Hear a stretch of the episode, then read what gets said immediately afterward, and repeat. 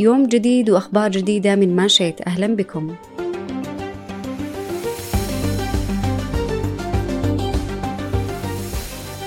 في حلقة اليوم راح نتحدث عن المؤتمر والمعرض الدولي للتمور بنسخته الرابعة اللي نظمها المركز الوطني للنخيل والتمور في مدينة الرياض.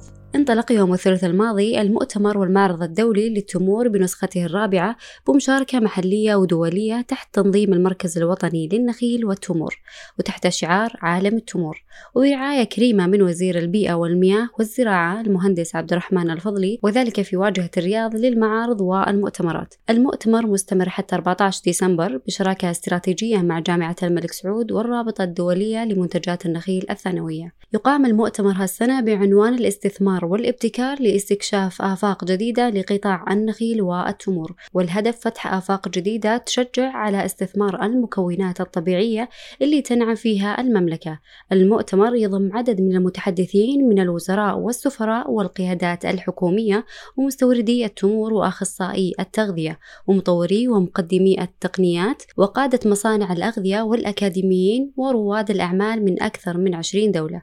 ويصاحب المعرض عدد من الفعاليات المتنوعة كالطهي على سبيل المثال اللي تضمن مناطق مخصصة للطهي تضم ست مطابخ عالمية بالإضافة إلى منطقة خاصة بالتسوق والتعليم والتدريب على الطهي.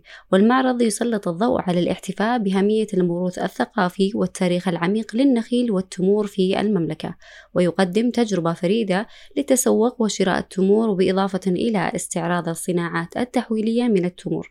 وتتضمن فعاليات المعرض سحوبات يومية وجوائز متنوعة سيارة وأكثر من 60 جوال iPhone Pro Max لجميع الزوار اللي تستقبلهم من الساعة 4 مساء إلى 11 مساء. وصلنا لنهاية الحلقة لكن قبل لا نختم نستعرض معكم أهم الأحداث والفعاليات. موسم الدرعية السنوي يستقبل زواره ويقدم تجارب مثرية لإحياء تراث الدرعية الثقافي وذلك من خلال مجموعة كبيرة من الفعاليات الفريدة اللي تناسب اهتمامات الزوار من عروض حية ومعارض فنية وتجارب الطهي وأنشطة خارجية تجعل من موسم الدرعية وجهة مثالية للعائلات والأفراد من جميع الأعمار. إلى هنا انتهت حلقتنا لهذا اليوم. نذكركم تحميل تطبيق ماشيت للاطلاع على مزيد من الأخبار والفعاليات المقامة في المملكة. مع السلامة.